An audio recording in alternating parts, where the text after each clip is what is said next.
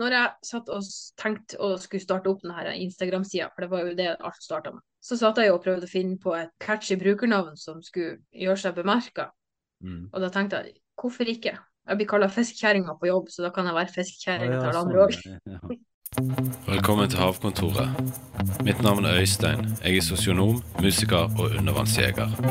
Denne podkasten er en serie intervjuer der vi snakker om havet. Det blir fridykking, men også fisk, fiskeri, miljøvern, bærekraft, jaktteknikk, skalldyr, matlaging, båtvett og livsnytelse. Hvordan får en nok tid på sjøen, i en travel hverdag med jobb og familie? Er det håp for torsken i Oslofjorden? Hvordan står det til med kveitebestanden i Sunnhordland? Er det lyren som er dum, eller er det vi som er det? Hvor finner en kamskjell, og hvor mange skal en ta? Hvordan får en kresne unger til å spise fisk? Og hvem er havets fasan? Hvordan får du øye på han? Bare overflaten. Nå er det vinter, og det er òg en fin tid. Jeg er mye på fjellet, men jeg har tid til et lite nattdykk eller et kamskjelldykk innimellom. Klikk gjerne innom på Spearfishing Bergen og se min eh, kamskjell på pizzafilm. Hva tror dere om det, egentlig? Legg gjerne inn en kommentar på min amatørkokkelering. Ja, så vil jeg takke HC og Andreas som fortsatt støtter Havkontor på Patrion. Det setter jeg stor pris på. I dag har Afif fra Havkongen og sønnen hans satt opp min nye inverted roller fra Seagull Sub. Gleder meg til å prøve den. Det er ganske kompliserte greier, så jeg kan fortelle dere om hvordan det går seinere. Og så til dagens intervju. Veronica Furnes Oppsal, velkommen til Havkontoret. Tusen takk. jeg fikk eh, tips om deg av eh, Elisabeth Fossetveit, den profilen din. Og så gikk jeg inn og så, og så så jeg at du hadde mye spennende sjømat. Ja. Kan du fortelle litt om eh, deg sjøl og, og, din connection til havet? Tja, det kan jeg vel. Den connectionen har jeg vel egentlig alltid hatt. Jeg er født og oppvokst i Bodø. Der har jeg egentlig bodd hele livet. Men jeg har jo slekt på ei øy som heter Sandhornøya, en times tid utafor Bodø. Og der har jeg vel mer eller mindre vokst opp i fjæra. Um, ja, så kan vi gå på det basic. Jeg er 35 år, gift, har to barn. uh, jeg jobber som uh, sjømathandler, så jeg har det jo inn via jobb også. og i tillegg til at jeg driver denne Instagram-kontoen Fiskkjerringa, som har egentlig utvida seg til å bli mye mer enn bare det, da. For du, du har satt i gang en slags gründervirksomhet. Ja. Hva er det du tilbyr? Nei, i utgangspunktet så skulle det jo være en bedrift bak Fiskkjerringa, da, som det gjør hele regnskapet litt enklere. Mm. Eh, for først skulle jeg jo bli en eh, sjømatinfluenser, og det er jo på et sett og vis blitt også, da. Ja. Eh, men så har det utvida seg til Jeg laga egne produkter av tang og tare som jeg håndhøster her i Salten. Og så tar jeg folk med i fjæra på tangsafari mm. og lærer dem om tang og tare, krabber, Spise litt ting, rett og slett. Men Salten, er det liksom området rundt Bodø? Eh, Salten, det er jo eh, Ja, det er jo rundt Bodø. Det er, inneholder jo flere kommuner. Nå skal ikke jeg gå nøyaktig inn på det, for geografi er ikke min sterkeste side her. Men det er jo Fauske, Steigen, mm. um, Saltdal, Sørfold. Mm. Uh, og litt lenger nord også, opp til Tranøy, f.eks. Ja. Hamarøy. Var det der Hamsun bodde, var ikke det? De sier så. Ja. Nei, jeg har vært eh, så vidt i området. Jeg har vært i Saltstraumen altså, og dykka litt. Mm. Fin plass der. Ja, det er veldig fin plass. Men, eh, men når du sier Salten, er det liksom på utsiden da, til Vestfjorden? Er det der du plukker tare? Ja, i hovedsak. Altså ytterst på kysten, da. Når begynte du å plukke tare, da? Eh, I 2016 tror jeg jeg begynte med det. Da var jeg i uh, svangerskaps-fødselspermisjon med min førstefødte og mm. kjeda meg noe voldsomt. Så mm. derfor jeg gikk eh, høygravid i fjerde og tusla. Ja. Måtte finne på noe å ha å gjøre. Ja. Det var vel egentlig da interessen for tang og tare starta. Hvilken var den første taren som du begynte å spise? Eh, det tror jeg var sukkertare, hvis jeg ikke tar helt feil. Jeg har ikke spist så veldig mye tare. Jeg har, eh, jeg har smakt sånn her, ikke det, havsalat. Ja. Det var jeg veldig imponert over, egentlig. Det smakte jo kjempegodt. ja, den er faktisk veldig god. ja. Burde blitt litt flinkere og plukke med meg litt uh, mer tare når jeg er ute og dykker. Ja, så bra. Men uh, Så du bruker uh, tare da i mange forskjellige retter som du utvikler. Mm. Hvor, hvor, tar du inspirasjonen din fra? Inspirasjonen den henter jeg jo mye på, på nett. Altså, det går for mange timer på Instagram og TikTok hvor jeg scroller etter informasjon. Ja. Eh, men mye er derifra, og så videreutvikler jeg det til mitt eget, da. Ja. Gjør noen endringer her og der, og ser om det funker for min gane. Ja, for jeg ser du har eh, både en del sånn eh, utenlandske eksperimentelle pulser, men så har du òg mye tradisjonell sjømat. Så det er vel det som står nærmest, altså den tradisjonsmat vi har her. For det er jo, det er jo mye tradisjonsmat her i Salten som stammer herifra. Mm. Men det er det jo for, for så vidt på Vestlandet og Østlandet også. Men fisk er jo noe jeg er veldig glad i, og det er jo noe vi har mye ut av her. Så det kommer nok ifra oppveksten min, det også. Hva er en spesialitet fra Salten som resten av Norge burde prøve seg på? Gammelsalta sei. Hva gjør du da? Det er sei som er lagt på salt i minimum ett år før den spises. Ah, ja. Så det er jo i, i bunn og grunn en fermentert fisk, da. Men den er veldig god. Så du eksperimenterer med fermentering av fisk? Nei, ikke så mye der. Der er det Altså, saltsei, eller gammelsalta sei, det er jo eh, en gammel tradisjonsrett som er De mener jo den oppst... Altså at den stammer herifra i området. Mhm. Eh, Og min oldefar brukte jo å lage det her når han levde, eh, så jeg fikk det jo servert hos han. Ja. Jeg har per dags dato ennå ikke fått laga det sjøl, altså fra grunnen av, men eh, det står på lista over alt det rare jeg skal gjøre. Men hva er det du gjør? Tar du filetene, eller tar du hel fisk med skinn, eller hvordan går du fram? Da gjør du det så enkelt at uh, du fisker sei, og da skal den helst være Det kalles for en klubbsei. Altså den Mhm. skal være eh, mellom seks og åtte kilo. Så det er en ganske stor sei, da. Uh, Og så Noen bruker jo mindre òg, men klubbseien bruker jeg å si at det er best på smak. Eh, og den skal du ikke bløgge, du skal ikke sløye den, ingenting. Den skal ligge minst en time, helst over natta, med blod og innvoller i seg, sånn at den modnes på et vis. da. For blodet er jo med på denne fermenteringsprosessen. Uh, og la oss si du har venta et døgn, da. Så tar du og sløyer den. Men det eneste du kaster, det er liksom innvollene, og så tar du vare på mest mulig slim og blod, og det skal opp i bøtta. Og så flekker du den. Du tar ut ryggbeina og bort med hodet, da. Og så um, legger du den lagvis i ei tønne med salt. Først salt, så fisk, så salt, så fisk. Ja. Opp igjen hele. Eh, og så lukkes denne tønna, da. Eh, og der skal den stå og godgjøre seg i ja, minst et år. Åpner du den før, så får ikke denne fermenteringsprosessen eller de bakteriene som oppstår, de får ikke spist hverandre opp. Så hvis du spiser den før, så kan du faktisk bli sjuk. Så de sier en plass mellom seks måneder et år, men jeg bruker å si et år til de som spør, for da er du iallfall sikker. For at når du åpner den tønna igjen, da så skal det lukte Det lukter ikke noe mer enn salt, egentlig. Altså salt fisk. Det er sånn litt sånn god, søtlig lukt. Ja, det, men kan du beskrive hvordan dette her smaker, da? Eh, hvis du smaker buknafisk, så er det ikke så langt unna den. Det er Ja. det enkleste forklaringa jeg har. Jeg har ikke smakt buknafisk, jeg har smakt eh, sånn eh, rakfisk. Ja, det er ikke i nærheten av der. um, um, Utvanna tørrfisk. Det er litt der bare at du får den saltsmaken også, for tørrfisken er jo ikke salta. Det har jeg smakt eh, i bacalao. Mm.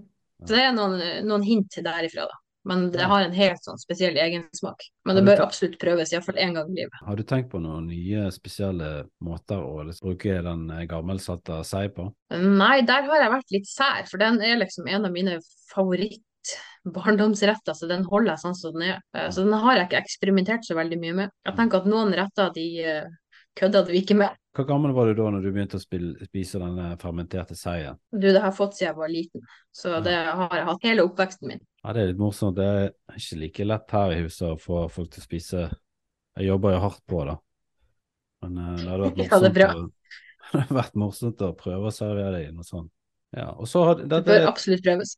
Ja, nei, det var veldig spennende. Det er ikke så veldig lett å få tak i klubbsei her da, i, i Sør-Norge. Um, Nei, det kan jeg tro. jeg har fått én Hvis du har en tre kilo pluss, så funker de også. Ja, jeg har fått én sei på seks kilo. Det er vel kanskje den eneste seien jeg har fått. Jeg har jo selvfølgelig sett tusenvis av paler. Mm. Ja, de blir for små igjen. Men palene der oppe hos dere, den er jo litt større enn her, da. Jo, vi har ganske små sei her, vi også. Men Ja. vi er kanskje litt bortskjemt med at vi har de større også. Spiser du lyr? Ja. Nei, det Den har ikke vi så mye ut av, men vi får den. Ja, det var en jeg Ja. snakket om Jeg snakket med Snakket med om lyr som bodde i Tromsø, som sa at det var mer en slags sånn tropisk feriefisk. Ja, det er stort sett på øh, vår, sommer, høst vi får den. Tror du det går an å gammelsalte lyr? Ja, det tror jeg. Jeg har ikke prøvd det, men jeg ser ikke noen grunn til at det ikke skal funke. Du bare husk at du bruker blodet og alt det. Ja, det er spennende, da. At du får i gang den fermenteringsprosessen. Men eh, Det er ikke så ulik i, i kjøttet. Har du noe lyr i frysen? Ja, det har jeg faktisk. Jeg har lyr loin. Lyr loin. Hva skal Og så brukte jeg lyr eh, for tre dager siden i fiskekake. Jeg har egentlig Ja, nei, for, vi får liksom ikke sei her, altså. Det er veldig trist, egentlig. Det det er en av de fiskene jeg har mest lyst til å få. Så, Veldig artig fisk. Ja. Få ta en tur til Saltstraumen og finne en sei. Mm. Bruker, hvordan bruker du taren i maten? Den bruker jeg jo i hovedsak som krydder. Eh, Ja. Nå er jo taren eh, for så vidt ganske så ny. Enkelte arter har vi jo spist siden vikingtida, men eh, i det store bildet så er det en ny mat for oss. Så det er lite forskning på, på den, da. Så da tenker jeg at ta, tare som krydder er jo et greit sånn inngangsnummer. Så jeg bruker den i hovedsak som krydder, men det er også fordi det er veldig mye smak.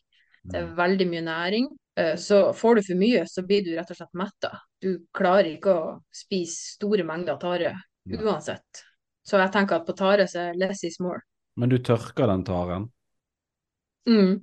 Jeg har laget sånn japansk fiskesuppe en gang der jeg hadde sånn tørket tare som jeg forvellet i vann, og så lagde det en slags eh, Ja, base for en fiskesuppe. Sikkert kommer jo kanskje du har vært borti det.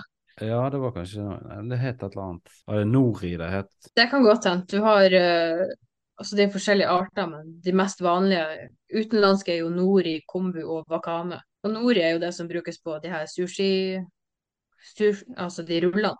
Makerullene. Er du uh, glad i å lage sushi? Mm, Jeg er ikke så glad i å lage det, men jeg er glad i å spise det. Det tar litt for lang tid for min del å lage.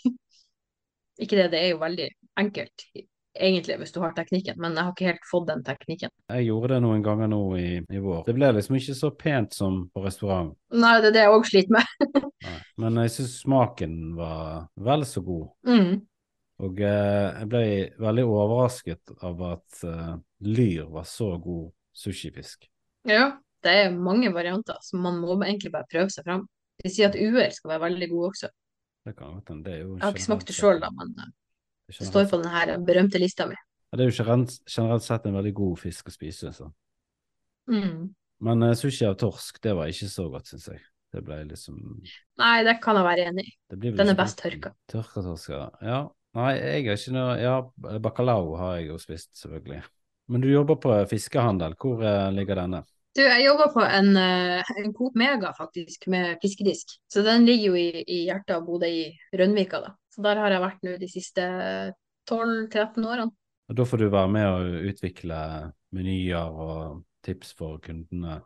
Nei, det er jo teamet til eh, Coop Mega som tar seg av den utviklinga der. Men jeg har jo god eh, connection med kundene, da. Så jeg hjelper jo de med tips og triks. Og det er jo jeg som er sjømatansvarlig, så det er jo jeg som har egentlig styringa på fiskedisken der. I henhold til de kravene som kjeden setter. Hvordan fungerer Mm. det da på en eh, Coop-butikk? Nei, det er ganske rett fram. Du bestiller fisk, og så legger vi det ut. Og så følger vi sesonger og årstider. Kjøper dere inn sjømaten sjøl, eller blir det kjøpt inn på Det varierer litt fra bedrift til bedrift. Altså butikk til butikk, mener jeg da. Men kjøper dere lokal fisk av lokale fiskere? Ja, vi har jo en leverandør som igjen leverer til oss, så det varierer litt. Noe er lokalt, noe kommer litt lenger unna fra. Det varierer som sagt litt. Og nå eh, er det, I dag er det 23. januar, så hvordan eh, ligger vi an nå i forhold til skreisesongen? Skreisesongen har vel egentlig vært i gang siden første uka i januar. Eh, Det er jo såkalt innsigsfisk, altså den fisken som kommer først. Og den er jo gjerne en god blanding av både kysttorsk og skrei. Men kysttorsken er jo vel så god som skreien, syns nå jeg, da. Men nå begynner det å komme seg, så vi regner med i løpet av neste uke så har vi kanskje skreien her. Og Da kommer den inn i Vestfjorden. Ja, kanskje ikke til Vestfjorden, vi får mye fisk fra Røst, så det er jo i ytre deler da. Er det et par-tre uker til, så kommer han inn hit òg. Jeg snakket med han eh, Jeg vet ikke om du kjenner til han Jørn fra Saltstraumen. Han sa det var en del skrei på Bodø-siden av fjorden Mm. Det kan godt hende. Jeg har sett eh, flere som, eller på Facebook da, så er det flere som har fått ganske stor og fin fisk. Er du mye ute og fisker sjøl? Ikke så mye som jeg skulle ønske. Det, den tida den strekker ikke til alt. Klart Når man har fulltidsjobb og bedrift på si og to unger og alltid lyst til å strekke til. Eller tida, for den saks skyld. Når var du ute og fisket sist, da? Det er, tror det er to, kanskje tre uker siden. Da var jeg en liten tur ute med stanga. Skulle se om jeg fikk tak i noen torsk. Fikk Det jeg fikk da, det var ei sjøpølse. Ah, ja, ja, stemmer. Den så jeg, ja. Mm. Men eh, har du noen eh, spennende prosjekter på gang, noe som du vil eh, snakke litt om? Nei, for tida så går det jo mye i å planlegge tangsafarisesongen. Den starta jo opp for min del fra sent i mars, tidlig april, og så pågår den til i september. Så det er jo å få landa noen datoer der, og så skal det være en, en uh, nasjonal sjømat i fjerde dag i starten av april en gang som jobbes med, som er en del ut av det. Den kommer det mer info om etter hvert når vi får landa noen detaljer. Så det må dere holde, følge med. For det er forhåpentligvis et prosjekt som skal bli årlig, da. Men det må landes litt til før vi kan gå ut med mer om det. Ellers så er det ja, hvis du sier skreien kommer jo nå. Mye å gjøre på jobb. Det syns jeg er kjempeartig. Skreisesongen er jo høydepunktet i løpet av året. Eh, jeg skal fiske en del sjøl. Vi kjøpte jo ny båt i fjor høst. Ja. Så, så snart været tillater at vi kan fære ut, så skal vi ut og fiske eh, egen fisk. Eh, for jeg skal prøve noen forskjellige tørkeprosjekter. Mm -hmm. Lage litt egen tørrfisk og ja, prosjekter på det, da. Noe spesielt? Ellers så går det jo å finne på innhold til fiskekjerringa, eller få ungene med i fjæra få de like interessert i det her som jeg er. Hvordan, uh, hvordan, gjør du det med ungene? Får du de i gang? Det er veldig enkelt å ta de med i fjæra, for der uh, går de seg sjøl i gang. Uh, de syns jo det er kjempeartig å fære og, og, gå og se under steinene hva vi finner, om vi finner krabbe eller om vi finner Det hender seg jo vi finner småfisk også, faktisk. Det beste tipset er egentlig bare å ta de med i fjæra og se hva dere finner. Så ordner det seg sjøl. Når det gjelder å spise fisk, så er de kanskje litt sånn som dine. De er ikke helt der. De er litt for kresne i forhold til min smak, men uh, de får alternativ. De skal smake. Liker de det ikke, så er det helt greit. Ja. så det er litt uh, både òg. Jeg har uh, jobbet hardt på det, og egentlig føler jeg at jeg har vært ganske flink. Det var én ting sønnen min sa en gang. Jeg hadde liksom stresset på å lage sånn fiskepinner, hjemmelagde fiskepinner. Men da sa han at han ville ikke ha det brune rundt. Så etter det så begynte jeg å bake fisk i ovnen istedenfor. Bare liksom med litt salt og litt olivenolje. Sånn at det var liksom helt sånn rene fiskestykker uten noen ting på. En sånn unison konsistens. Det, det har egentlig funket, altså. Så han, han glefser innpå på fisk. Så bra. Her er min motsatt. Han spiste brune, og så lar han fisken ligge. Ja, det er jo det verste å spise. Det er jo det mest usunne av eh, hele måltidet. Nei da, de bruker å spise, så. Men eh, jeg skulle gjerne ønske at de spiste mer, for vi spiser jo gjerne fisk eh, tre til fire ganger i uka. Så det er ikke bestandig det er så god stemning rundt middagsbordet, men eh, det er greit å ha alternativer og godt med tilbehør, så går det bra. Ja, nei, det var jo sånn i barndommen òg. Det var jo mye fisk eh, der òg. For min del så var det litt sånn Når jeg begynte å bruke disse asiatiske ingrediensene på sjømat, det var liksom da interessen virkelig liksom skjøt fart. Men uh, etter jeg fikk barn og sånn, så, så, ble jeg mer interessert i å lage en del sånne tradisjonelle ting, sant? som fiskekaker og Jeg er jo vokst opp med at vi spiste jo fisk eh, mandag til fredag, og så spiste vi kjøtt i helgen. Det hang litt igjen fra oldeforeldrene mine, for de drev på gård når de var, når de var til, da. Eh, så det husker jeg jo at når jeg var på besøk hos bestemora mi, for hun bodde rett nedfor de, så var jeg jo bestandig klokka tolv og spiste middag hos oldemor og oldefar. Og så spiste jeg middag igjen klokka fire eller fem hos bestemor. Men oldemor og oldefar de hadde bestandig fisk, om det var kokt sei eller uh, lettsalta torsk, lettsalta uer, saltsei. Altså, det var noe nytt hver dag, men det var bestandig fisk. Og det husker jeg at jeg elsker. Så jeg er vel ut av de ungene som ikke var kresen på hva jeg spiste. Er det sånn i Nord-Norge at eh, alle er glad i fisk? Du, det er skjedd et sånn her generasjonsskille. Eh, det merker jeg veldig godt som sjømathandler også, at de som handler fisk, det er de som er gjerne 30 pluss, altså min generasjon og oppover, da. Mm. Mens de som er yngre igjen, de, nei, de ringer æsj, fisk. Det er liksom aha. De kan spise sushi og de her asiatiske rettene.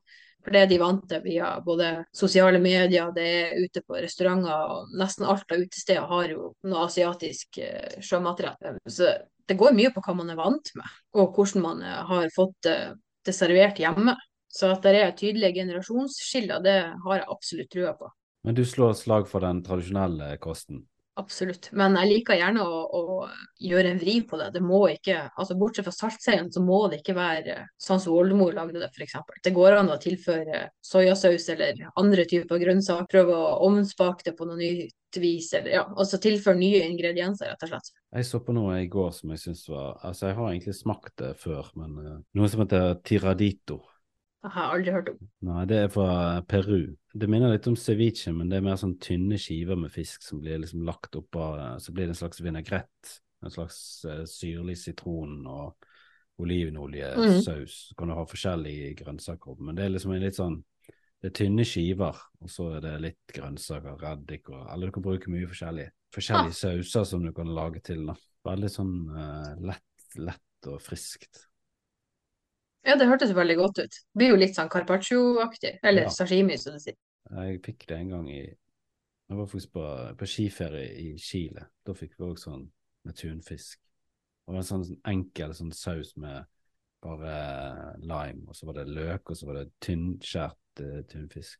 Mm. Får dere tunfisk inn på eh, butikken, eller? Ja, faktisk. Ikke fersk, dessverre. Vi får inn fryst. Hva er det som skjer med Vi den har ikke tunfisken, nok. egentlig? Hvor du får tak i det? Altså, tro det, tro det eller ei, men du får faktisk tak i tunfiskbiff på Rema 1000. Det ligger i frysedisken der. Uh, men som fiskehandler så må du jo egentlig De aller fleste tar jo inn fersk når det er, og det blir jo bitt mye mer nå enn hva det har vært før, i og med at bestandene trekker mer inn i vår kyst, skulle jeg si. Så jeg vet at uh, sørover og på Østlandet og Vestlandet, der har de flere fiskehandlere begynt å få inn eller ta inn fersk tunfisk. Og grunnen til at vi tar inn frys, det er rett og slett for at vi har ikke kundegrunnlag til å ta inn fersk. Så vi må jo ta noen vurderinger der også. Har du lagt ut noen oppskrifter på Instagrammen din? Ikke på tunfisk, det har jeg spist veldig lite av. Liker du tunfisk? Ja, jeg syns det er veldig godt. Så jeg har, eh, har et par biffer liggende i fryseren som skal stekes i løpet av noen, noen dager, tenker jeg. Kanskje det kommer noe da? Tunfiskbiff er jo fantastisk. Ja, det er veldig godt. Jeg, jeg har fått sett den der uh, tunfiskbiffen til de har på Rema og har brukt det og syns at det var helt greit. Ja, Det er et greit ha, alternativ hvis man ikke får tak i fersk. en vil jo helst ha litt sånn tunfisk som er fersk og fra det området som du er i. Kortreist er jo best, det har jo mye å si. Men uh, man må jo veie det opp, fordeler og ulemper, altså. Ja, Har du noen oppskrifter du har lyst til å dele? Her og nå? Ja, hva det skulle være? Har du noe Jeg kommer ikke på noe sånn på stående fot. Annet enn å følge fiskekjerringa. Ja. Der kommer de. Det er jo sikkert en del som gjør det allerede, som hører på avkontoret, tipper jeg. Ja, det håper jeg. Mm. Jeg vet ikke, jeg, går litt sånn tom for spørsmål. Ja, jeg er kraftig introvert òg i tillegg, så jeg er ikke så flink til den småpratinga heller. Så. Nei, nei. Vi kan jo gå gjennom uh, fiskearter, da, for eksempel. Så kan du snakke litt om Ja. Er det noen arter av fisk som du syns at folk burde spise mer av? Eh, Ja, jeg er jo veldig tilhenger av at man skal spise mer enn bare de vanlige. Altså, du skal spise mer enn skrei, sei, eh, hyse, lyr, altså de vanlige. Men eh, la oss si her nord, hvor vi ikke har så mye lyr. Her bør vi iallfall spise mer lyr. Og, og få presset bort ifra seien, f.eks. Um, det bør spises mer av de lavtrofiske artene. Jeg tenker at Det viktigste er å spise variert. Ja. Ikke henge seg opp i ett slag hele tida, men å, å spise torsk, spise sei, spise hyse, spise lyr. Gå gjennom hele regla. Ikke bare spise torsk i løpet av ei uke. Spis kveite. Det viktigste du gjør, det er egentlig å følge sesongen. Det ligger jo flere flotte sesongkalendere ute på nett, både på Godfisk sine sider og hva det WWF. De har jo en veldig fin sånn sjømatguide hvor man kan se eh, hvilke arter man kan spise med god samvittighet, og hvordan man bør spise litt mindre, og hvordan man egentlig bør styre helt unna. Men jeg tenker at variasjon er det viktigste. For eksempel så ligger det ute på Wikipedia at lyren den er of least concern. Det betyr at de ikke har noen bekymringer knyttet til bestanden av lyr. Men torsken, den er truet, står det. Det kan være lurt å bare følge opp, for de der vil jo variere fra år til år. Det er jo bare nå inntil nylig at Skreien eh, fikk tilbake den her eh, MSC-sertifiseringa si. Så bærekraftig. Men var ikke det de hadde blitt fratatt den pga. at uh, kysttorsken Det sto ikke så bra til med den? Ja, det er vel et større bilde, eh, både i sammenligning med at uh, skreis, altså bestanden, skreibestanden er jo gått ned, det er jo ikke noe tvil om det. Og så var det i sammenheng med det her i Skagerrak. Han er jo fortsatt freda der. Eh, Så det er liksom det store bildet hvor de mener at kysttorsken har tatt seg opp nå, men samtidig som at skreien er gått ned. Så det er liksom Jeg vet ikke helt hvordan de har beregna det der, men de har iallfall funnet ut at fisk som er fiska i Barentshavet og eh, Norskehavet og Skagerrak og en til plass, at alle de fire plassene er bærekraftig forvalta. Det er jo det det går ut. At de mener at selve forvaltninga er god nok. Men det er jo en, en eh, flyktig status. Jeg husker ikke hvor mange år de har den nå, men jeg tror de har den for en viss periode, og så må det sertifiseres på nytt. Var ikke det veldig små kvoter på Ja, det er jo det det handler om, det der med hun eh, de flytter kvotene. Jo, jeg er ikke inne på tall eller noe sånt, men jeg har fått med meg at det ropes veldig mye om at kvotene er ekstremt lave i år. Men jeg tenker at når de har hatt unaturlig høye kvoter så mange år på rad, så er det jo bare på sin plass at de må gå ned en gang. Så du er opptatt av eh, bærekraft òg? Ja, Hvordan, Det er eh, viktig at det er hold i det, så. Ja, det er veldig lite torsk her på Vestlandet. Det er veldig trist, egentlig. Mm.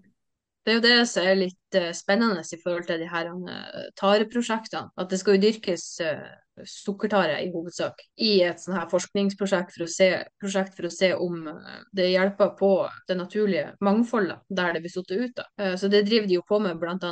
i Oslofjorden. Flere uavhengige prosjekter hvor de setter ut eh, tarestiklinger. eh, Eller eh, tau med sjøpølse, nei, sjøpung, mener. For å rett og slett få rensa eh, Oslofjorden og ut på Vestlandet her. Altså, det er forskjellige prosjekter, da. For å se om, om fisken kommer tilbake. Og så langt så virker det veldig bra.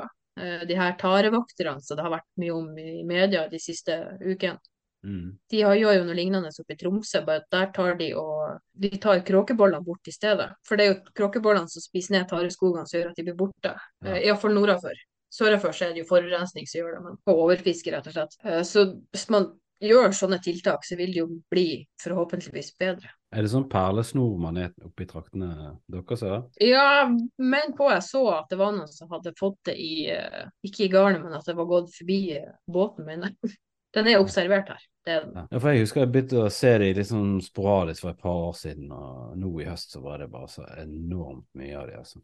Jeg husker en dag jeg svømte utover, og så tusenvis, rett og slett. Og for to år siden så var det bare en, en og annen her og der. Mm. Så det er jo noen som mener at det har en effekt på fiskebestanden òg. At fisken forsvinner, eller at den går dypere ned pga. å komme unna den perlesnormaneten. Jo, jo, men jeg tror det ligger noe i det. Så du ser jo altså laksen i merdene. Den Mm. klarer jo ikke å stikke av, så den dør jo av det her. Eller blir veldig skada. Så at den villbestanden trekker unna, det har jeg ikke noe tvil om. Så det er jo en konsekvens av Nå skal ikke jeg si det sikkert, men jeg tror det er pga. økte havtemperaturer, rett og slett. Én grad høres kanskje ikke så mye ut, men det er ganske mye på, i det store bildet, da.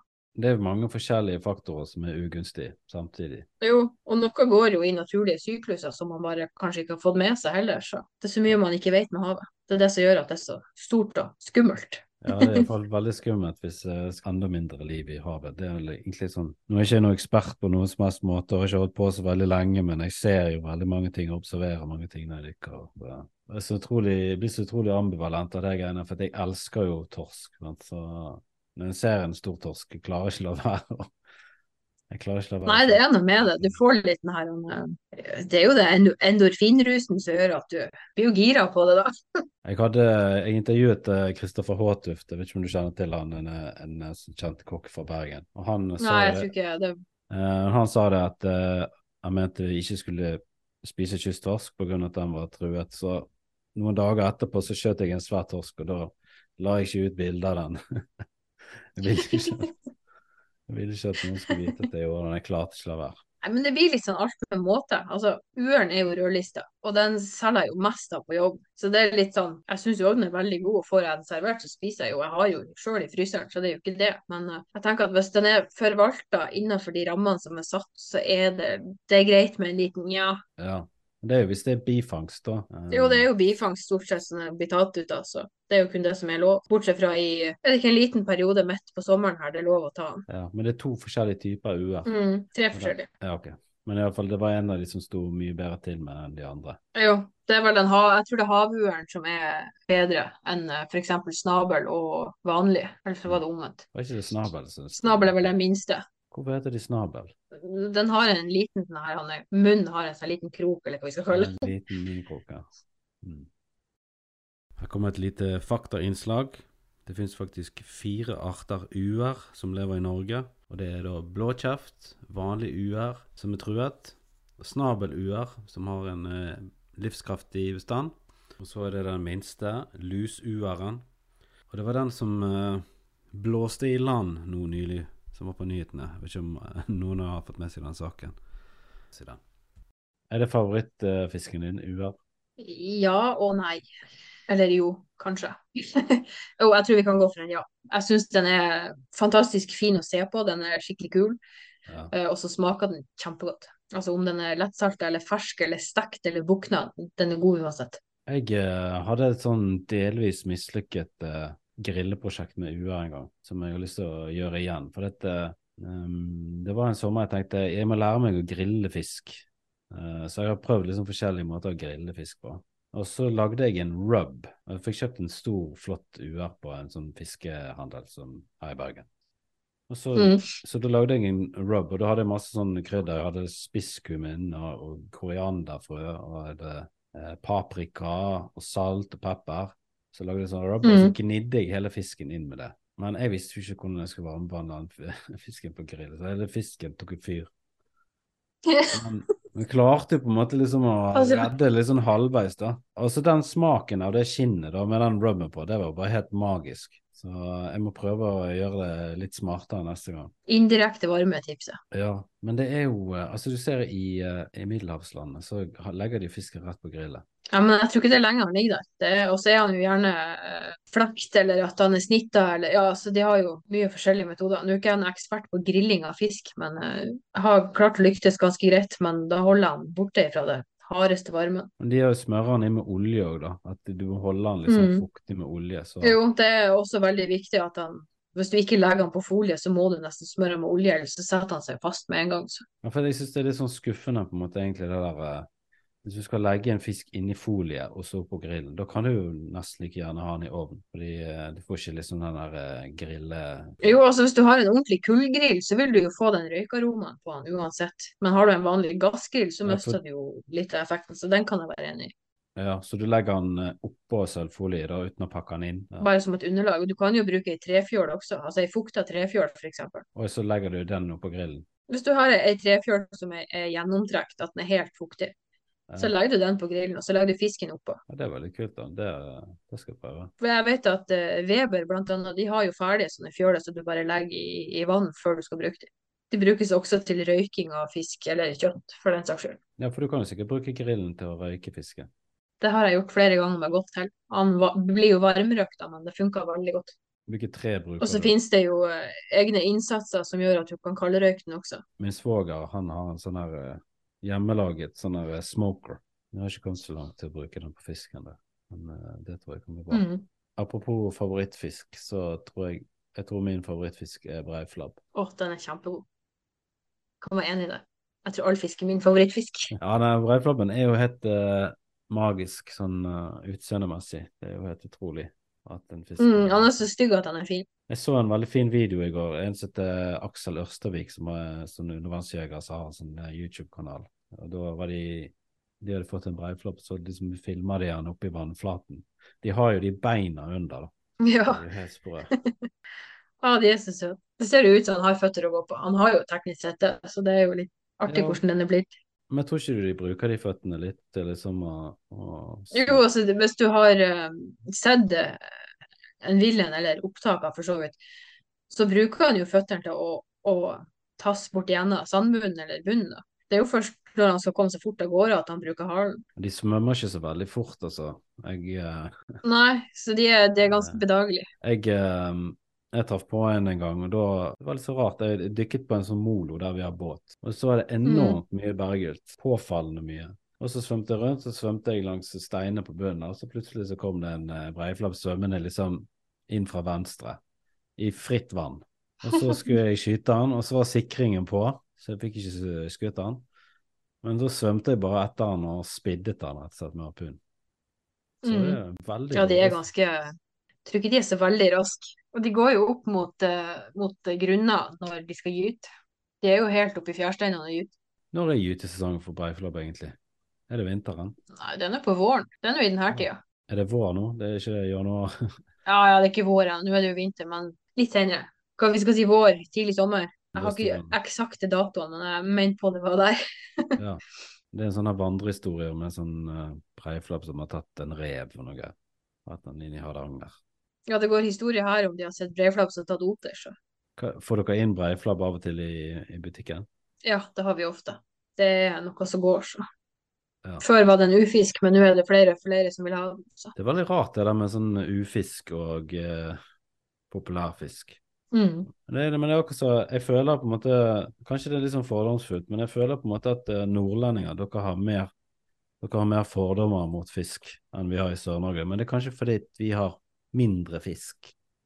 At det er derfor vi er mer åpne. Hva tror du om det? Det kan jo hende, og mange av de her fordommene det henger jo i fra gamle vandrehistorier. Sånn som så steinbiten, den måtte du jo for all del ikke få i båten, for at beit han tak i deg, så ble du drept. Mm. Det var jo flere historier om at steinbiten hadde betet seg fast mellom føttene på mannfolkene, sånn at de hadde blødd i hjel, f.eks. Ja. Eller at de hadde gått i, i lysken eller låret for at de har Mhm. vært uforsiktige. Mm. Så det første man, altså det lærte jo til meg som liten at fikk du en steinbit, for jeg var mye og fiska alene i båt, Ja. fikk du en steinbit, få han til å bite over åra eller ripa på båten, få han til å bite i noe som ikke er deg. Uh, og det er jo mye av det samme, sånn så breiflabben, det ble jo også kalla for en sånn her en, uh, enkemaker. Ah, ja. For at han var så stygg når han kom opp med garnene at fiskeren skvatt og datt bakover over bord. Ja. Og de færreste kunne jo svømme før i tida. Ja. Så jeg tror det er rett og slett sånne her gamle historier. Det har kanskje skjedd med én person, og så har det bare balla på seg. Altså ei fjærbit til ti høns. ja, kanskje det var så farlig rett og slett på sjøen at, liksom, at de ble nesten litt sånn traumatisert. Liksom alt ble liksom sett på som en trussel. Mm. Mest sannsynlig. Jeg husker da jeg var liten uh, og trakk garn med morfaren min, og da fikk vi en steinbit en gang som uh, tygget hull i støvelen hans. Mm. Jeg husker jeg skreik når, når han kom opp i båten. ja. Ja, de er jo stygge, men de er gode på smak. Ja.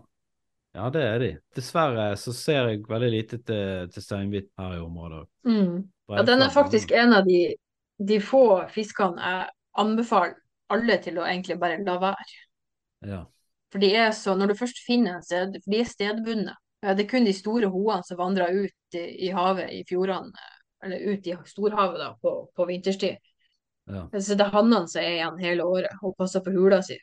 Så Mm. når du finner et felt med steinbit, det er jo gjerne flere der du finner én. Mhm. Og det er jo det folk husker, at å, der er det steinbit, dit drar vi. Men når de da har fiska opp alle, så er det jo ingen flere som kommer tilbake. De har tatt en bestand som var der. Mm. Så steinbiten er jo veldig var for overfiske. Og nå er jo oppdrett litt sånn omdiskutert. Jeg sjøl er litt sånn ja, nei, ja, nei på det. Men uh, flekksteinbiten blir faktisk uh, oppdretta her, i- her nord, på, Ja. litt utenfor Meløy. Mm -hmm. Men det er et landbasert anlegg, mener jeg, som de har fått til. Så den kan jeg anbefale, enn så lenge. Eh, Men i utgangspunktet så bruker jeg å si at steinbit er liksom Får du den på kroken, så slipper den ut, med mindre du vet at du skal spise den. Eller til dere som fridykker, da. Ta han og se på den i stedet for å skyte den. Men det må jo være opp til hver enkelt. Det er iallfall det jeg mener. Vet de noe om bestanden på steinbitt? Er det noe som de forsker på, eller har noen slags Den er, den er jo rødlista. Altså den gråsteinbiten er Og fleksteinbiten for så vidt. Mm. Men den er kraftig overfiska, og det igjen fører jo til alle de her kråkebollene. Mm. Så hvis vi får steinbitbestanden opp og går, så vil den ta vare på kråkebollene, som igjen vil gjøre at tareskogen kommer tilbake ordentlig.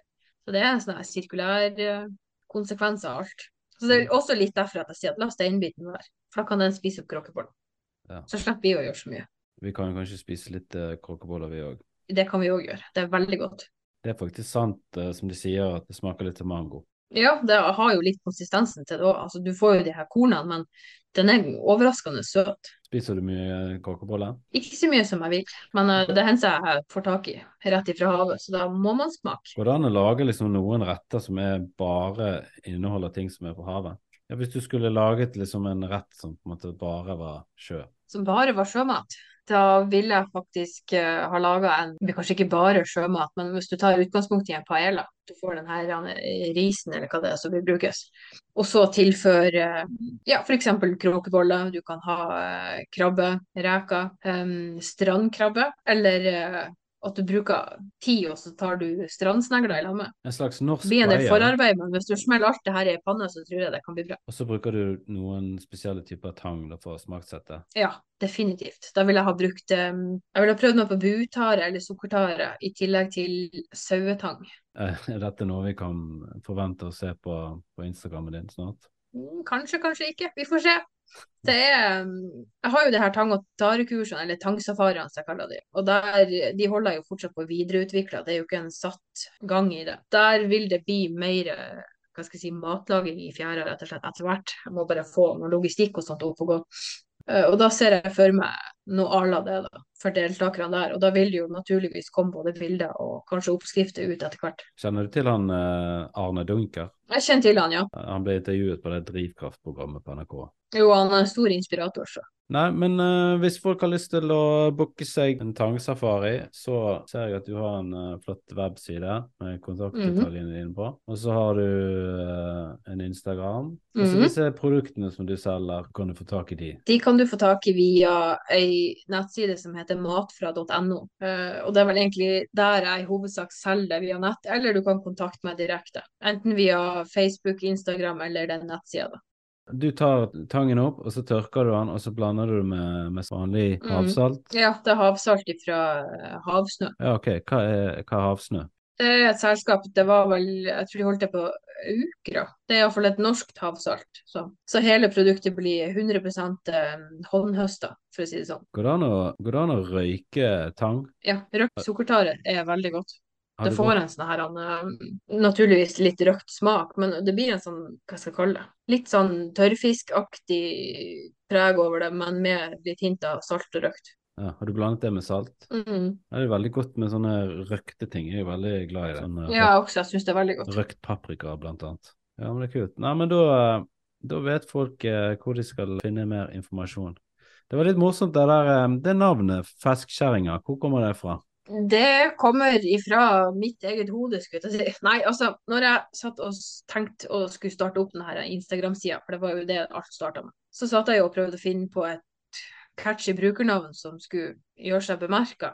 Mm. Og da tenkte jeg, hvorfor ikke? Jeg blir kalla fiskekjerringa på jobb, så da kan jeg være fiskekjerringa ah, ja, til alle sånn, andre òg. ja. Og så er det litt sånn Det er jo litt negativt lada, men jeg har jo lyst til å snu det til noe positivt. Å ja, det er det, ja. De kan være det.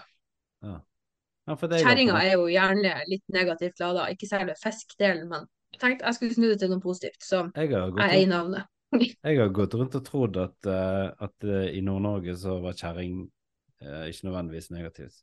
Nei, ikke nødvendigvis, men det kan være en sånn negativ undertone i det. Det kommer egentlig an på øyet som ser, eller øyet som hører. Ja, Øret som hører, heter det. I høst så hadde vi Så solgte vi leiligheten, og da hadde vi en sånn uh, boligfotograf som var fra Lofoten, tror jeg. Og så refererte han til samboeren min som uh, kjerringa di, sa han. Og så Mm. tenkte jeg liksom bare Nei, det kan, det kan han ikke si. Men så tenkte jeg «Ah, det høres jo helt ålreit ut når han sier det. Fordi Mm. Jo, men det er noe med det. Det er også litt det her, for her nord så er det vanlig å bruke. ja, Altså, Mannen min han sier ja, kjerringa. Kjerringa er hjemme. ja, Og jeg sier jo gubben. ja. Mens når du kommer lenger sør, så blir det litt mer sånn Det er kanskje litt lenger sør det blir negativt lada, for det er ikke vanlig å bli brukt der, rett og slett. Da tenker jeg sør for Trøndelag, f.eks. ja. Nei, jeg, eh, jeg er ikke vant til å bli kalt gubben. Jeg vet ikke hvordan jeg har reagert. Nei, så det er litt sånn Hva man er vant til. Lokale forskjeller. Og så er det jo ganske catchy, da. Fiskekjerringa. Det er veldig bra navn. Du husker det, for å si det sånn. Ja. Nei, men uh, tusen takk, uh, Veronica Feskkjerringa. Det var kjekt å snakke med deg. eh, og da vet alle hvor de skal uh, følge med videre. Så da sier jeg uh, tusen takk for uh, intervjuet. Ja, sjøl takk. Takk for at jeg fikk lov å være med. Bare hyggelig.